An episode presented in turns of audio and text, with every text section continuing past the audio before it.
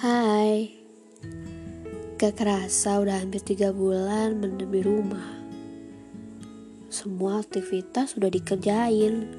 Sampai ngerasa ini dijavu gak sih?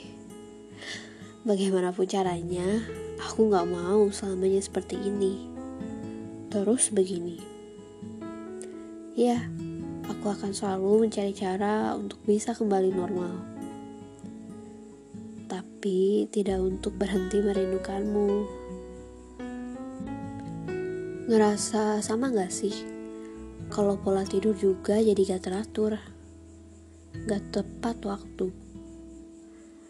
Atau mungkin ini ada kaitannya dengan rinduku padamu yang datang gak kenal waktu. Aduh, aduh, aduh. Lagi-lagi soal rindu.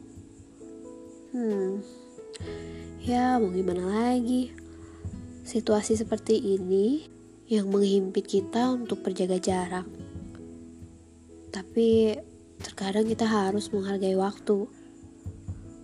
Waktu yang terus berjalan. Meskipun isinya belum sepenuhnya denganmu.